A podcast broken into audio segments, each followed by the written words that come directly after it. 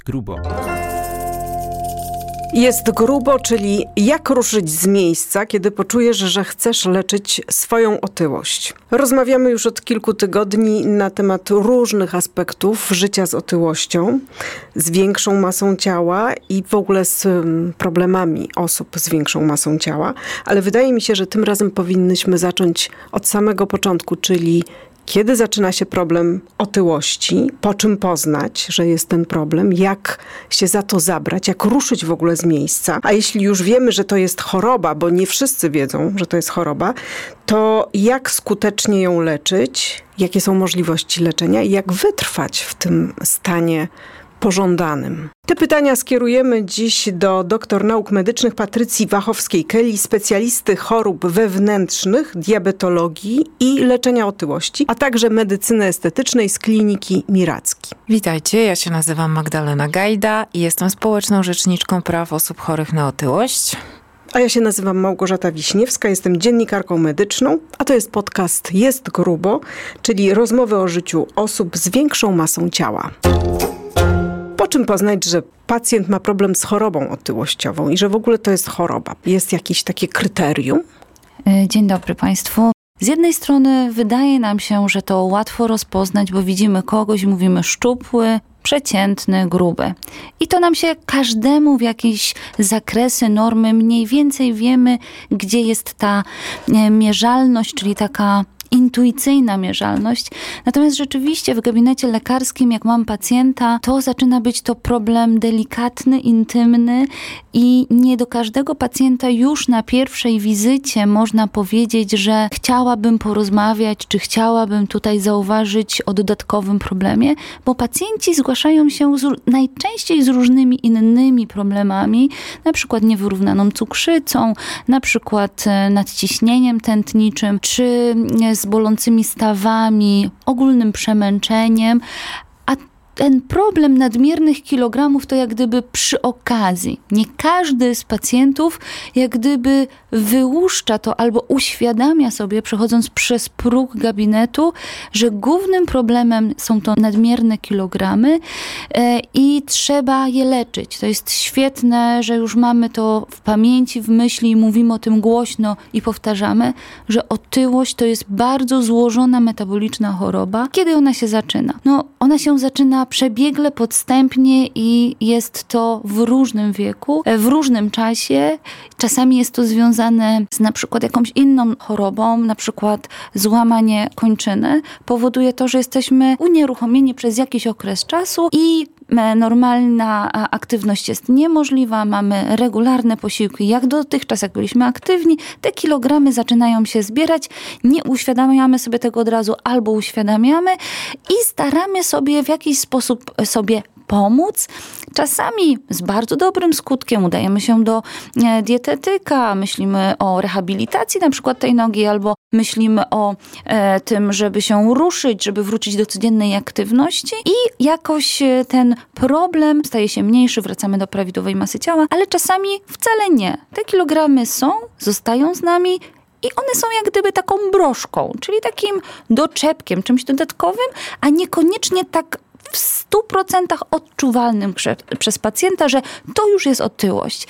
Natomiast... Czyli, przepraszam, to jest coś, co traktujemy jako naszą cechę, e, cechę naszego ciała, a nie objaw jakiejś choroby, tak? Tak. Możemy to czuć, że ja mam takie doświadczenia, jak pacjenci do mnie przychodzą, że a po prostu zmieniłem rozmiar e, ubrań. Do tej pory ubierałem się w rozmiarze, nie wiem, 38, teraz jakoś to 42, 44 wskoczyło, nawet nie zauważyłem, ale nie spodziewałam się, że to jest już problem. Myślałem, że to jest tak kilka kilo za dużo. No i te kilka kilo to jest najczęściej nadwaga, ale najczęściej jak pacjenci mówią kilka, to z reguły to jest kilkanaście albo kilkadziesiąt. Tak sobie nie doszacowują ten swój dokładnie, problem, tak? Dokładnie.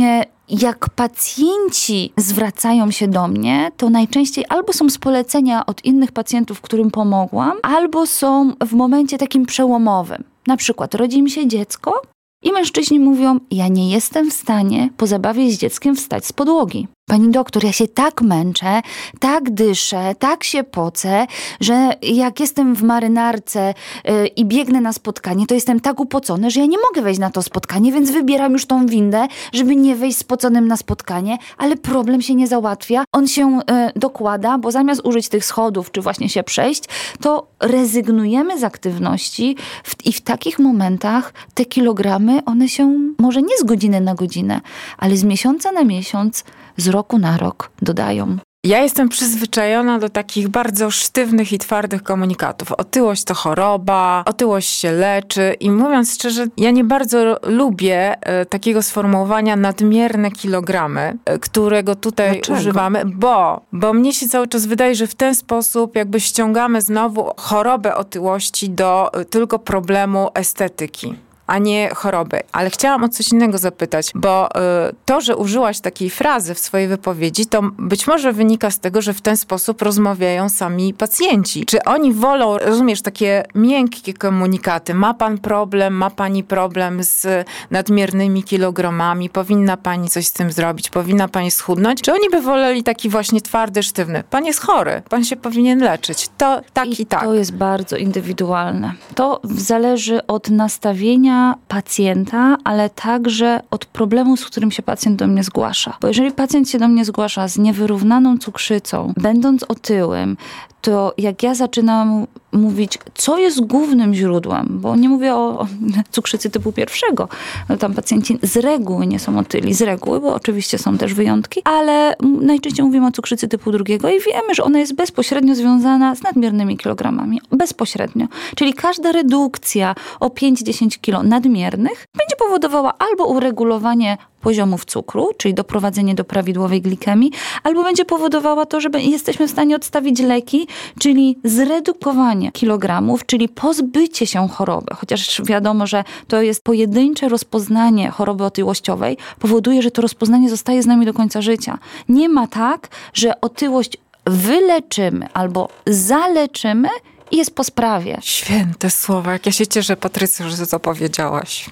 A jak to było z tobą, Magda? Bo ty, ty, czy ty też od pierwszego momentu wiedziałaś, że coś nie halo i muszę iść e, do lekarza się leczyć? Nie, ja, ja przypominam tym, którzy jeszcze nie słyszeli, a, e, a tutaj bardzo polecam rozmowę piątą w podcaście. Jest grubo, bo tam wyjaśniam, dlaczego tak się stało, a nie inaczej. Ciężko by było, żebym ja się zorientowała, że ja jestem chora czy nie, bo e, kiedy ja zaczęłam chorować, to miałam zaledwie dwa czy trzy latka. W związku z tym ja nie miałam kompletnie takiej świadomości, bardziej świadomość taką mieli moi rodzice.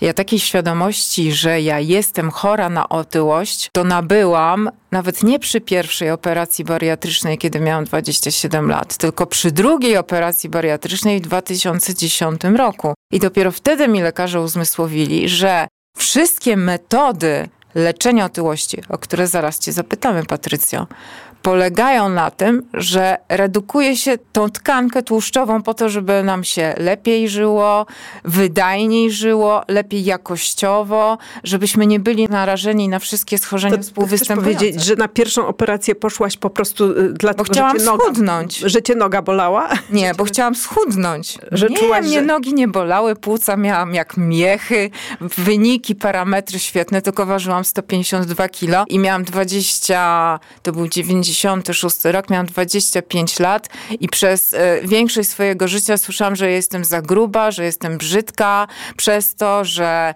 że jestem grubasem, świnią i tak dalej, i tak dalej. I ja po prostu chciałam zrobić coś, żeby w końcu schudnąć i żeby nikt e, tak się do mnie nie odzywał i żeby ludzie traktowali mnie z szacunkiem. Ale mówię takiej świadomości, że ja jestem chora na otyłość, że otyłość jest chorobą, że nawet jak ja schudnę, to nadal będę chora i nie wiadomo, kiedy ona wróci, ta choroba znowu do mnie i to nie będzie tak, że to będzie moja wina, bo może być wina jakichś czynników zewnętrznych. Zaraz o tym będziemy mówić.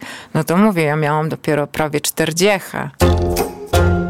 Jak zgłasza się do ciebie pacjent, przypuśćmy dlatego, że ma cukrzycę albo bolą go stawy, nie wiem, czy tacy pacjenci też się do ciebie zgłaszają, Patrycjo. Jaka jest droga, żeby w ogóle zbudować u nich świadomość i wręcz taką motywację, żeby zaczęli właśnie leczyć tę pierwszą chorobę? Zwłaszcza, że przepraszam, może niektórzy w ogóle, tak jak mówiłaś, nie chcą na ten temat rozmawiać i, i gdzieś tam spychają to. Z reguły Pacjenci, którzy przychodzą do mojego gabinetu poleceni przez innych pacjentów, to ci inni pacjenci opowiadają mniej więcej, jak ja pomogłam, ale z czym to się wiązało. I tutaj bardzo mi się podobało, Magdo, że nadmieniłaś, że zapytałaś mnie, ale w takim sensie, że chciałaś to uściślić, czy musimy mówić mocno, poważnie, konkretnie, Właśnie. czy musimy być pobłażliwi. I tutaj jest dla mnie cały wachlarz pacjentów. Pacjenci, którzy cierpią na otyłość z powodu zaburzeń nastroju, czy zaburzeń depresyjnych, czy zaburzeń e, związanych z własnym wyglądem, co już się przekłada na ich stan psychiczny, jak będą zarzuceni, tak jak powiedziałaś, że do tej pory w swoim życiu słyszałaś, że jesteś gruba, zmień to, nie dawali ci metody jak, co ty masz robić i z czym to się wiąże. Tylko mówili, że jesteś gruba. Więc jak taki pacjent do mnie przyjdzie i widzę po nim, że jest delikatny, wrażliwy, cierpi, zasłania te kilogramy, właśnie ubiera takie ubrania, żeby nie było widać, krępuje się, nie chce się przy pierwszej wizycie ważyć, to już są dla mnie takie wskaźniki, że ja dla tego pacjenta nie mogę być bardzo rygorystyczna, bo ja go po prostu wystraszę, on się zamknie w sobie. Natomiast większość moich pacjentów, jak już mnie pozna, to wie, że ja wszystko robię dla pacjentów, ale tylko tyle, ile ja jestem w stanie z mojej wiedzy, umiejętności, doświadczenia przekazać. To pacjent jest odpowiedzialny za leczenie. Ja mogę dać pacjentowi świetne narzędzia, mogę stymulować, przypominać, e, sprawdzać, jak te narzędzia działają, ale nikt nie jest lepszym lekarzem samego siebie niż sam pacjent. To od pacjenta zależy, czyli od tego, jak on się przykłada do moich zaleceń, jak on e, jak gdyby akceptuje to, co sobie rozpisaliśmy, zaleciliśmy, bo to zawsze jest wielopłaszczyznowe. To No nie dobrze, jest ale- tylko jedna przyczyna, to nie jest tylko jedna choroba i nie jest to tylko jedno rozwiązanie, czyli nie ma jednej złotej tabletki, nie ma jednego złotego zabiegu, nie ma jednej złotej procedury, która by u wszystkich zadziałała. Ale może są jakieś e, algorytmy, może są jakieś e, takie schematy, że, je, że do pewnego momentu leczymy tak, od pewnego inaczej, jeszcze są jeszcze inne. Jakbyś mogła powiedzieć trochę, czym ty dysponujesz, jakimi narzędziami i jak ty te narzędzia dobierasz? Kiedyś nawet były takie wskazania, że jak jest nadwaga, otyłość pierwszego, drugiego stopnia, to jest leczenie zachowawcze, czyli zmiana sposobu odżywiania. Nie używam słowa dieta, jak zauważyliście, e, plus aktywność fizyczna, ewentualnie farmakoterapia, a jak już jest otyłość trzeciego stopnia, to wtedy operacja bariatryczna. Ale ja wiem, że to się zmienia, prawda? To wiele osób mówi mi, o kurczę, przytyłem, chyba będę musiał sobie zrobić operację bariatryczną.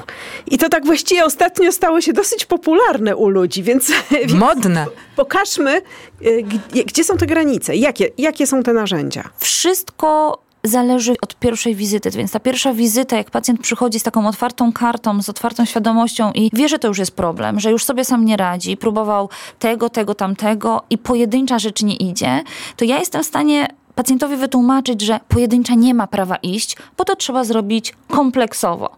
Czyli trzeba przyjrzeć się temu, jak wyglądają jego przyzwyczajenia, czy codzienne żywienie, jak wygląda pojenie, czyli tyle, ile produktów wypija, czy to jest odpowiednia liczba, jak wygląda aktywność. Nie mówimy tylko o aktywności życiowej, ale taka, która byłaby ewentualnie tą aktywnością, która miałaby prawo zredukować e, pewne kilogramy, bo niektórzy pacjenci przychodzą i mówią, ale jestem mega aktywny. Ja codziennie coś robię. Codziennie chodzę do pracy, to jest 100 metrów ale codziennie jestem aktywny i chodzę do pracy.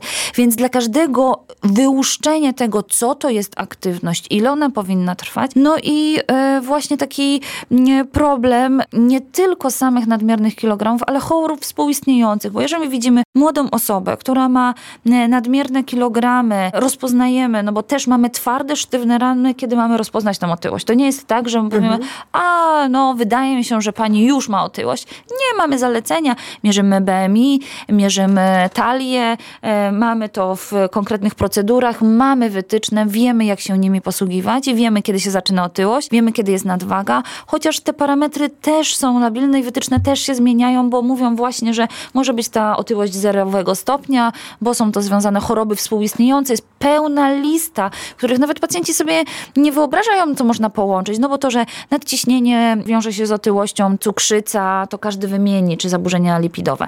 Natomiast y, niepłodność, choroby nowotworowe, astma oskrzelowa, y, choroby depresyjne, to są lista chorób, która jest związana z otyłością albo otyłość jest z nimi związana. Są też choroby przewlekłe związane z przyjmowaniem leków, takich jak leki z zakresu sterydowych, które mogą stymulować do gromadzenia się nadmiernych kilogramów i to wiemy też, że ta, te terapie są złożone i bardzo trudne.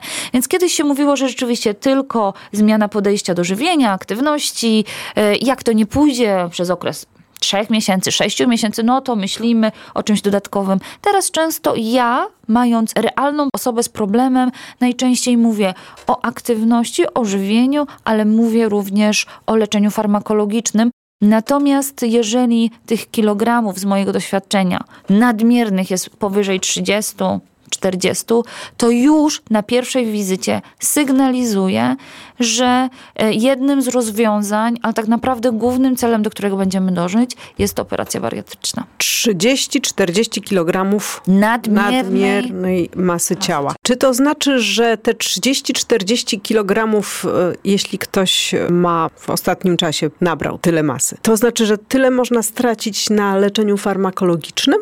Można. Ja mam pacjentów, z którymi chudliśmy po 50 kg, ale jeżeli to nie było przypieczętowane operacją, to te kilogramy niestety nawracały. Mimo leczenia farmakologicznego? Oczywiście. No, leczenie farmakologiczne też ma swoje ograniczenia. To nie jest tak, że mamy całą, że tak powiem, gamę leków. No, tych leków jest coraz więcej i będzie już. Kolejne firmy wprowadzają nowe leki. Już w przyszłym roku będzie znowu kolejny lek. Cieszymy się. Ale mimo wszystko każda farmakologia i farmakoterapia ma ma swoje ograniczenia. I często pacjenci do mnie przychodzą na przykład z innych klinik czy z innych ośrodków i mówią tak, ten lek stosowałem nie działa, ten lek nie stosowałem nie działa i po prostu koniec, ja już jestem zmęczony, nic nie działa.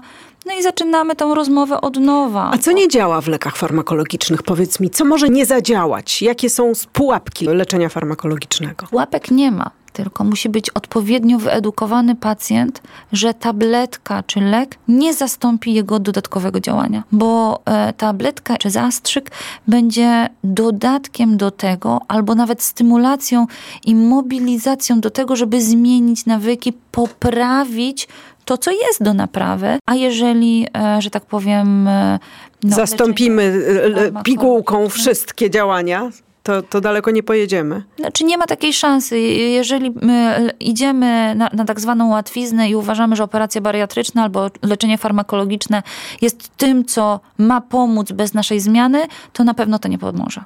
To jest dodatek do głównego leczenia, świetny dodatek, świetnie działający, ale wykonany w odpowiednim momencie, po odpowiednim przygotowaniu pacjenta e, i z świadomym podejściem, bo tak jak tutaj mówisz, Magdo, ta pierwsza operacja poszłaś, bo chciałaś lepiej wyglądać. No super, że był ten impuls do tego, żeby, e, żeby coś zmienić w życiu, ale pytanie, czy miałaś taką kiedykolwiek rozmowę, że operacja to nie jest wszystko, ona ci nie zastąpi wszystkiego ty musisz coś zmienić. Nie no, na ten temat się nie będę wypowiadać. To był 96 rok, ja byłam 21 pacjentką w klinice w Zabrzu, w ogóle na to nie zwracano uwagi. I Załatwiano problem i do widzenia. Nie no, efekty, efekty operacji bariatrycznej mierzono w sposób jednoznaczny ilością e, spadku kilogramów, tak? Czyli jak, jak bardzo schudłam i ile, ile masy ciała mi e, zleciało, że tak powiem kolokwialnie. Ale mnie interesuje y, jedna rzecz. Czy pacjenci, którzy e, przychodzą do twojego gabinetu, powiedzmy o tych zdecydowanych i tych świadomych jakby, czy oni mają mają taką postawę, że oni by chcieli wszystko szybko załatwić bez e, e, jakby nie zdając sobie właśnie sprawy z tego, że leczenie otyłości wymaga przede wszystkim akcji z ich strony i zaangażowania z ich strony. I to jest Czy trochę tak jak, przepraszam, że ci wejdę w słowo, trochę y, na to się skarżą też specjaliści do spraw żywienia i dietetycy. Także y, y, przychodzi do nich klientka, klient, pacjent, pacjentka, jakbyśmy ich nie nazwali, jakby oczekują efektów, dużych efektów w szybkim czasie. Dlatego niektórzy pacjenci, e, przechodząc próg gabinetu, mówią: Pani doktor, ja przyszedłem, bo jestem zdecydowany na operację bariatryczną, proszę mnie zakwalifikować. Mhm. Ja mówię, chwila. Ja tu nie jestem lekarzem kwalifikującym. Jestem w zespole. Tak, oczywiście, moja opinia jest ważna i licząca się, ale tutaj najpierw rozmawiamy o poważnych rzeczach. Gdzie jest problem, co robili u pan. Ale nie, ja jestem zdecydowany, ja to za chwilę w ogóle wylatuję, bo ja przyleciałem na zabieg, bo tam, gdzie mieszkam, nie wiem, w Kanadzie, Wielkiej Brytanii, Nowej Zelandii, różne były przypadki, to tam te operacje, to wie pani, no ja tam byłem w jakichś programach, one nie mają znaczenia, nie mają sensu, nic nie idzie, więc wymyśliłem sobie, że po prostu przylecę, zoperuję się i po sprawie. No i ja z jednej strony chciałabym pomóc pacjentowi, ale co ja zrobię w dwa tygodnie czy cztery tygodnie, jak pacjent jest na miejscu? No, mogę pobudzić świadomość, mogę przygotować. Natomiast y, każdy pacjent musi przejść swoją drogę, żeby rozumiał, co ja jestem w stanie dać, czyli żeby zrozumiał i docenił moje narzędzia. Bo narzędzia, czyli farmakoterapia, zabiegi, E, są w stanie pomóc, ale tylko dobrze przygotowanym i świadomym pacjentom. Większość jest świadomych, natomiast zdarzają się takie przypadki, że właśnie moi znajomi z innych specjalizacji czy dietetycy przysyłają do mnie pacjenta, bo sobie nie radzą, że ty to masz świetne podejście, to sobie poradzisz. No i przychodzi pacjent i mówi: Pani doktor, słyszała pani, tutaj jestem u dietetyka, czy tam danego specjalisty, e, no i niechudne i pani ma coś zrobić. Ale niechudne po operacji? Nie, nie, jeszcze zanim do tego. Bez, bez operacji, więc e, ja mówię, no ale to porozmawiajmy, co pan, pani jest w stanie mi dać, żeby zmienić z tych bieżących przyzwyczajeń, bo te bieżące przyzwyczajenia, te nawyki, które w tym momencie mają, to pana, panią prowadzą do takiego, a takiego wyglądu, takiego i takiego stanu w danym momencie. Czyli reasumując, co jest pan, pani w stanie mnie jako lekarzowi dać, żebym ja mogła zalecić panu, pani nowe podejście, nowe zalecenia, wspomagającą farmakoterapię. No nie, nie, nie, no ja nie mogę nic teraz zmienić, bo ja mam pracę, dzieci, ja mam tak grafik ułożony, że ja nie jestem w stanie, no liczyłem na lek, no chociaż jakąś pigułkę albo ewentualnie zabieg. No jak będzie taki zabieg, to na pewno wtedy się coś poprawi. Mnie ciekawi taka sprawa związana jeszcze z lekami. Na chwilę chcę do tej farmakoterapii wrócić. Jest taki, na przykład krąży taka informacja, że jak już się raz zacznie brać lek, to w zasadzie trzeba te leki brać do końca życia. Czy to jest mit, czy... Nie chcę obalać mitów, właśnie to, to jest, no, ale już powiedziałam to. Ja się, mam nadzieję, że dosyć klarownie wypowiadam. Otyłość jest przewlekłą, nawracającą chorobą, która potrzebuje stałego leczenia. To tak jakbyśmy zapytali, czy e, jeżeli pacjent z chorobą nadciśnieniową będzie mógł sobie za kilka lat odstawić leki. Jak mu się no, ciśnienie ureguluje? Jeżeli będzie miał prawidłowe ciśnienie, ale zauważmy, że najczęściej ciśnienie mierzymy na, na lekach, no to jak sprawdzić, czy bez leków jest prawidłowe? Ale abstrahując od tego, pytamy wtedy, co jest główną przyczyną, bo jeżeli jest szczupły pacjent, nie ma innych czynników, nie ma zwężenia tętnic nerkowych, które mogą powodować nadciśnienie, nie ma innych problemów, to ja powiem, no niestety, nie jesteśmy w stanie zmienić czynników, które ewentualnie są w stanie wywoływać to nadciśnienie i tak pan, pani do końca życia będzie musiał być leczony. W otyłości jest bardzo podobnie, bo tam proces jest wielopłaszczyznowy, czyli zaburzenia emocjonalne, jeżeli są wyprostowane, zaburzenia hormonalne, jeżeli jest prawidłowe żywienie, jest pacjent po zabiegu e, operacyjnym, to doszukujemy się kolejnych elementów, bo niestety mam dużo pacjentów już po operacjach bariatrycznych, którzy no, muszą mieć stosowane leczenie farmakologiczne i tak to nie jest, e, że tak powiem, jeszcze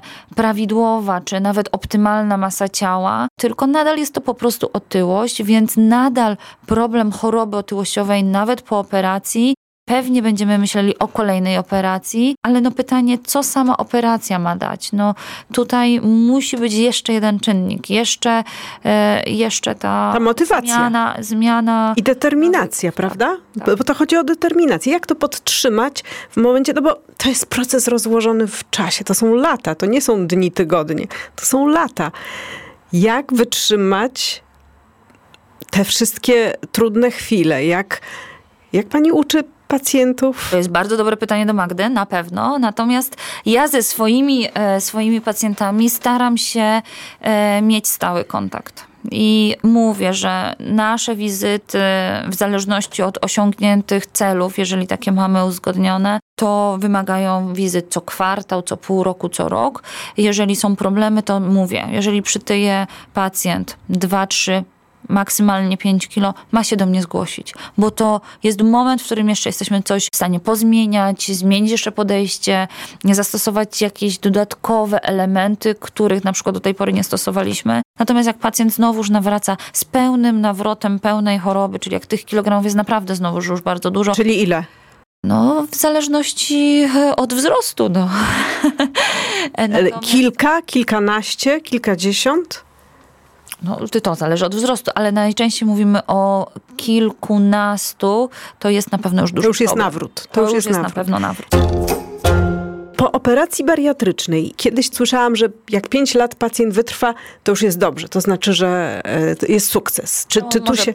powstać w każdym momencie, ale rzeczywiście zauważyłam wśród moich pacjentów, że po tych trzech do pięciu lat jest taki kryzys, jak gdyby, czyli przyzwyczailiśmy się do pewnych zaleceń, te zalecenia e, są, nie są w lepszym bądź w większym zakresie przestrzegane, ale dochodzi do takiego momentu, że ta masa powolutku zaczyna przybierać. I to jest ten moment, który ja uwrażliwiam, bo wiadomo, że jak dalej jest od um, operacji bariatrycznej, to te wizyty są mniej regularne. Ci pacjenci jak gdyby troszkę zapominają o problemie, ale on, jak każda przewlekła, nawracająca choroba, wraca, więc jeżeli e, no, mamy jakieś takie spostrzeżenia, najczęściej to pacjenci widzą po prostu po zmianie rozmiaru ubrania. To jest wtedy i mhm, nie mówi się o, o samej, samej wadze, tylko właśnie kurczę, przestaje wchodzić w te ciuchy, które standardowo przez ostatni okres wchodziłam i to jest ten moment, żeby sobie przypomnieć.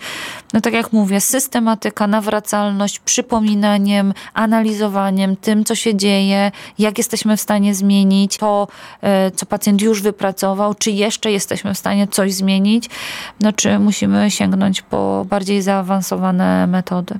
Patrycja mnie wywołała trochę do tego no właśnie, tablicy, żebym, żebym opowiedziała, jak to jest. To po pierwsze pozwólcie, że taką dygresję małą uczynię, że ja nie za bardzo lubię e, i jako e, pacjentka, mam nadzieję, że świadoma swojej choroby, ale też jako dziennikarz takiego sformułowania zmobilizować się do leczenia otyłości, bo e, wydaje mi się, że mobilizować to ja się mogę do tego, żeby w pochmury dzień deszczowy wyjść z domu, mobilizować to ja się mogę do tego, żeby w końcu się nauczyć grać w szachy.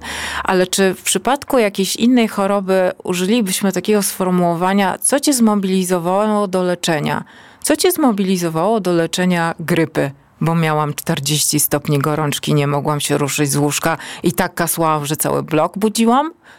Co cię zmobilizowało no, ale tego? był ten impuls, tak? tak. Coś, coś się wydarzyło do takiego, leczenia, jednak e, zaczęłaś się leczyć. Co, co cię zmobilizowało do leczenia nowotworu? No bo kurde, blaszka, mogłam umrzeć. Problem z otyłością jest chyba, myślę, taki podstawowy, że ten objaw naszej choroby, i to zresztą Patrycja na początku powiedziała, ta tkanka tłuszczowa to ona nas wcale nie boli. Przychodzimy do, do ciebie, Patrycjo, czy do każdego innego lekarza z innymi dolegliwościami, a ta tkanka, ona nas może boleć jakoś emocjonalnie, kiedy ludzie nam dają odczuć, że coś jest z nami nie tak. Jeśli nie dają, to jest z nami wszystko w porządku. Ja jestem akurat taką pacjentką, która lubi twarde komunikaty. To zawsze wszyscy się śmieją moi znajomi, że jakby Magda dostała u lekarza diagnozę masz białaczkę, to by powiedziała ok, no to co robimy? Leki, przeszczepienie, na, na, naświetlanie, no trzeba działać. I do mnie docierają twarde komunikaty. Skoro ja jestem chora, i leczenie polega na tym, że ja muszę zmienić swoje życie, to znaczy, że ja muszę zmienić swoje życie. No nie ma bata po prostu. To ty. To jest twarde.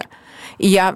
I ja zachęcam do tego, żeby wszyscy tak to potraktowali. To nie jest tak, słuchajcie, że wy, przepraszam, ale teraz się będę takimi sloganami z mediów posługiwać. E, nie zjesz pizzy, nie zjesz nigdy hot doga, nie zjesz, e, nie zjesz nigdy ciaska i tak dalej. Przez całe życie będziesz musiała uważać i tak dalej. Przepraszam. No nieprawda, albo jak mówią górale, gówno prawda. Tylko? Nawet jak zredukujesz masę ciała przy pomocy Patrycji, lekarza, każdej wybranej metody, jeżeli się nauczysz kontrolować, okiełznać tą swoją chorobę, to możesz jeść. Mając na uwadze to, że musisz jeść pokarm zawsze dobry jakościowo i w o wiele mniejszej ilości niż wszyscy inni. I to jest klucz do tego, żeby zrozumieć, na czym polega otyłość.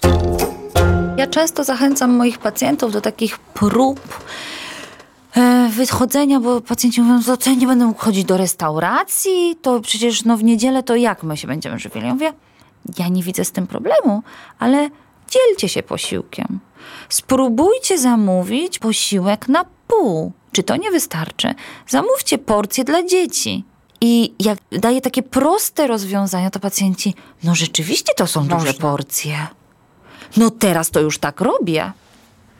Słuchajcie, można jeszcze inaczej. Ja jak idę ze znajomymi, to potwierdzą. Jesteśmy na przykład w cztery albo pięć osób w restauracji, to oni zamawiają swoje dania, a dla mnie pusty talerz i sobie zgarniam od każdego po troszku. I w ten sposób mogę spróbować wszystkich i wszyscy są zadowoleni. Polecam ten sposób i tańszy. Mnie interesuje, bo to było trochę inne pytanie. Nie o mobilizację, tylko o to, jak przetrwać kryzysy. I tu do ciebie, Magda, też, jak ty sobie radziłaś, bo ty jesteś 12 lat po swojej drugiej operacji, wytrwałaś nadal szczupła co dzisiaj krzyczy kolejny podcast, tytuł kolejnego naszego podcastu, 12 lat po operacji nadal szczupła.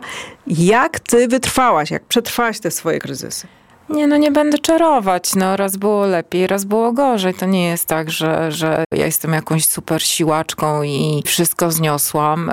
Mnie się też przydarzyło to było w 2015 roku, czyli to by się zgadzało. E, potwierdzam tutaj to, co mówi Patrycja, że przyszedł taki kryzys, kiedy ja po prostu niemal przez cały rok nie odchodziłam od biurka i przytyłam prawie 15 kilo ale w ciągu następnego roku udało Sama? mi się zredukować tak same. Znaczy skorzystałam z pomocy y, mojej dietetyczki, pod której opieką cały czas jestem i ustaliłyśmy, co tam mogło się zadziać takiego. Zaczęłyśmy to, o czym zwracała uwagę Patrycja, czyli jakby analizować i sposób, i tryb życia, i wszystkie czynniki, które miały na to wpływ. Ja się też wyniosłam z Warszawy na jakiś czas na wieś, y, do domu rodzinnego. Musiałam się opiekować chorą mamą przez kilka lat. E, mieszkaliśmy w domu, który miał dwupoziomy. Kuchnia była na dolnym poziomie, po, pomieszczenia, nasze pokoje były na górnym, więc żeby do tej kuchni zejść, to ja musiałam solidne schody pokonać. Ciąg kuchenny był taki długi, że pamiętam, że przygotowałam kiedyś święta, wigilię dla całej rodziny i przy tym ciągu kuchennym zrobiłam 8 kilometrów w ciągu kilku godzin. Do najbliższego sklepu było półtora kilometra, więc nawet nie wsiadałam na rower, tylko po prostu brałam siatkę i szłam do sklepu i w ten sposób to robiłam. Jakby wykorzystywałam wszystkie możliwości, żeby, żeby Pamiętając gdzieś ruszać. tam, że, że, tak. że to jest coś, czego tak, że ja wymaga twoja choroba. Tak, wymaga tego moja choroba, że coś się takiego zadziało, ale w tym wypadku to ewidentnie było spowodowane czynnikami środowiskowymi, takimi zewnętrznymi, na które ja mogę mieć wpływ. No bo jest jeszcze inna sytuacja, że nie zawsze mamy wpływ na to, z jakiego powodu ta choroba do nas wróciła, prawda? Tak, dokładnie. Jak utrzymać te efekty leczenia? Do ciebie, Patrycja, jeszcze pytanie. No to już powiedzieliśmy, że rzeczywiście tu trzeba być ostrożnym, czujnym i uważnym.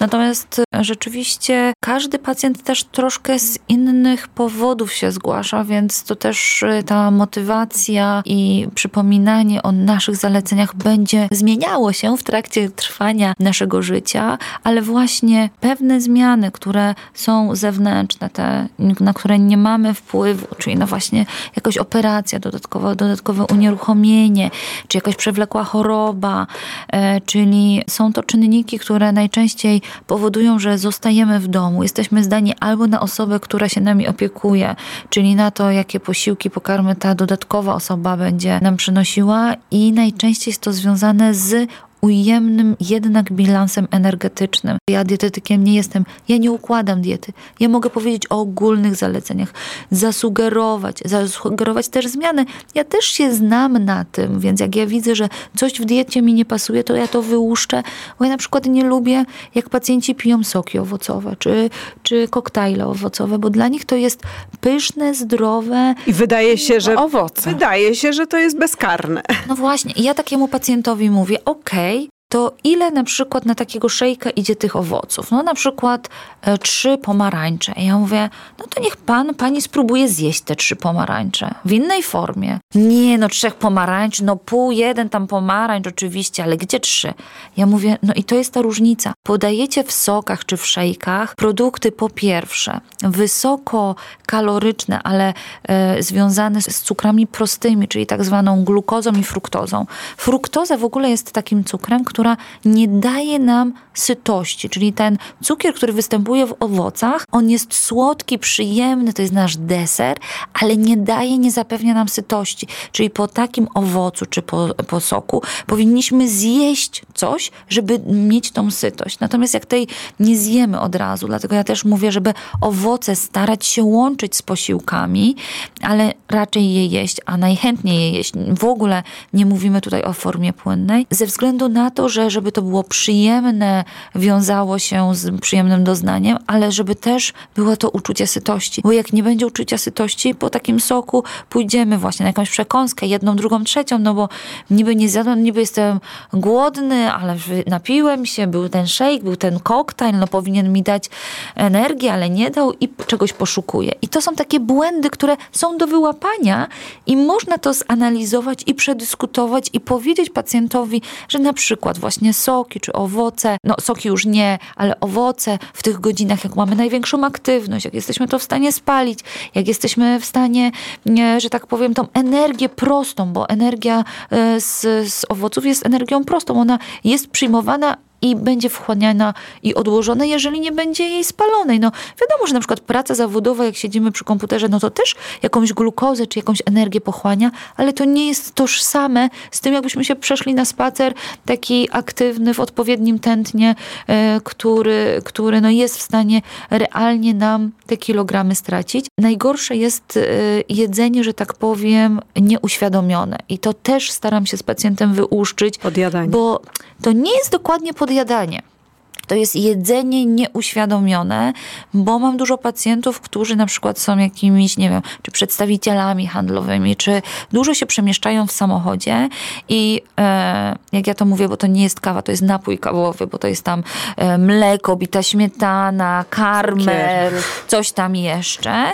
No musi być energetyk, czyli musi być kofeina, musi być glukoza, czyli to słodkie, żeby była ta energia. No i wypijają ten, ten bardzo kaloryczny, intensywny napój i oni uważają, że nie jedzą śniadania, że wypiją ten napój i to jest nic, no to musi być jakiś batonik, hot dog czy coś innego, no to, co jest na stacji benzynowej, tak? Co mogą zjeść. I to nie jest jedzenie, bo to nie jest śniadanie, tylko to jest coś, żeby nie czuć się głodnym, żeby dało im energię. Wygląda na to, że jednak otyłość jest taką chorobą, w której trzeba się całe życie pilnować. Dokładnie. No właśnie, to przerażające. Jest jakaś, jakieś światełko w tym tunelu? Ja się uśmiecham do Małgosi, bo mam ochotę coś powiedzieć, ale najpierw e, pani doktor, bardzo poproszę o ładne podsumowanie, żebyśmy wyszły stąd. Jakieś światełko w tunelu. To znaczy, e, świetnie, że to jest choroba, świetnie, że mamy specjalistów, świetnie, że jest pomoc i sięgajmy po tą pomoc. Nie odkładajmy tego, że to jeszcze przyjdzie na to czas. Im jest mniej kilogramów, tym e, prawdopodobieństwo szybszej pomocy i e, łatwiejszego, lepszej znośności całej terapii i lepszych e, tych odległych efektów e, jest większe, więc nie bójmy się sięgać po pomoc specjalistyczną, wykwalifikowanych, pytać, szukać, a na pewno będzie ta pomoc udzielona bardzo profesjonalnie. Bo nagroda jest na końcu. Tak, lepsze samopoczucie, lepsze życie, lepsza jakość tego życia, zmniejszenie obciążenia wieloma przewlekłymi chorobami. Nie zapominajmy o nowotworach, bo nowotwory są to choroby, które w populacji ludzi cierpiących na otyłość jest statystycznie wielokrotnie częściej spotykane, więc naprawdę proszę i namawiam do tego, że otyłość to nie jest tylko wygląd, to nie jest tylko wizus, to nie jest to, że e, accept yourself i no tak wyglądam, tak się z tym dobrze czuję i to nie wpłynie na moją przyszłość. Cieszę się, to Magda też powiedziała, że jak jesteśmy młodzi, mamy młode, zdrowe organizmy, to one naprawdę nawet z tymi wielokrotnie przekroczonymi nadmiernymi kilogramami, które idą w dziesiątki, e, da sobie radę, ale pytam jak długo, bo mamy jedno serce, mamy jedną wątrobę, mamy jedną trzustkę i te narządy, jak będą nadmiernie działać przez wiele lat, one zużyją się po prostu dużo wcześniej. Po co? Przedłużmy sobie życie. A ponieważ mnie przeraziło to, co powiedziałaś o przygotowaniu, a raczej nieprzygotowaniu pacjentów i takim dosyć lekkim traktowaniu operacji bariatrycznych, to ja jeszcze pozwolę sobie nie tyle przestrzec, co was poprosić. Operacja bariatryczna to jest naprawdę bardzo poważna ingerencja w układ pokarmowy, która całkowicie zmienia jego funkcjonowanie. To nie jest zabieg kosmetyczny. Żeby ona przyniosła efekty, musicie się do niej naprawdę solidnie przygotować i to jest apel ode mnie. Podzielcie się swoimi doświadczeniami, swoimi przemyśleniami. Może macie jakieś uwagi do tego, co, o czym dzisiaj rozmawialiśmy. Zapraszamy Was na nasz fanpage na Facebooku. Szukajcie po prostu Jest Grubo. Ja się nazywam Małgorzata Wiśniewska. A ja się nazywam Magdalena Gajda. A to był nasz gość, e, Patrycja Wachowska-Kelly, specjalista chorób wewnętrznych, diabetologii i medycyny estetycznej z kliniki Miracki podcastu jest grubo. Słuchajcie zawsze w środę po godzinie 20. Wtedy jesteśmy z odcinkami premierowymi. Możecie nas znaleźć na YouTubie, na Spotify, na Apple Podcast.